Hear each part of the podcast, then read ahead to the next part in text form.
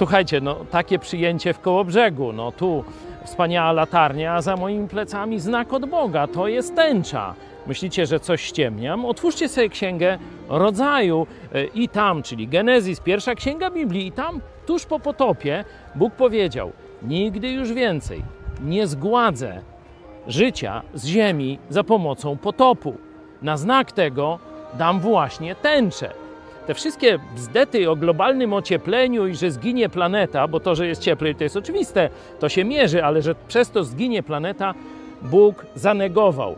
Tam, dając ten znak, powiedział: Do końca świata nie zniknie ani pory roku, ani praca rolnika. Także spokojnie, nie dajmy się zwariować. Nie słuchajmy bzdetów o globalnym ociepleniu, ale pomyślmy o Bogu, który stworzył ten świat, który potem z powodu grzechu go zniszczył, a teraz daje nam gwarancję, że już więcej potopem go nie zniszczy. Zrobił też coś więcej.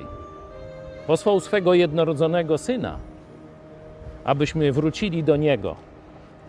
Jezus zapłacił za mój i Twój grzech, abyśmy wrócili do Boga.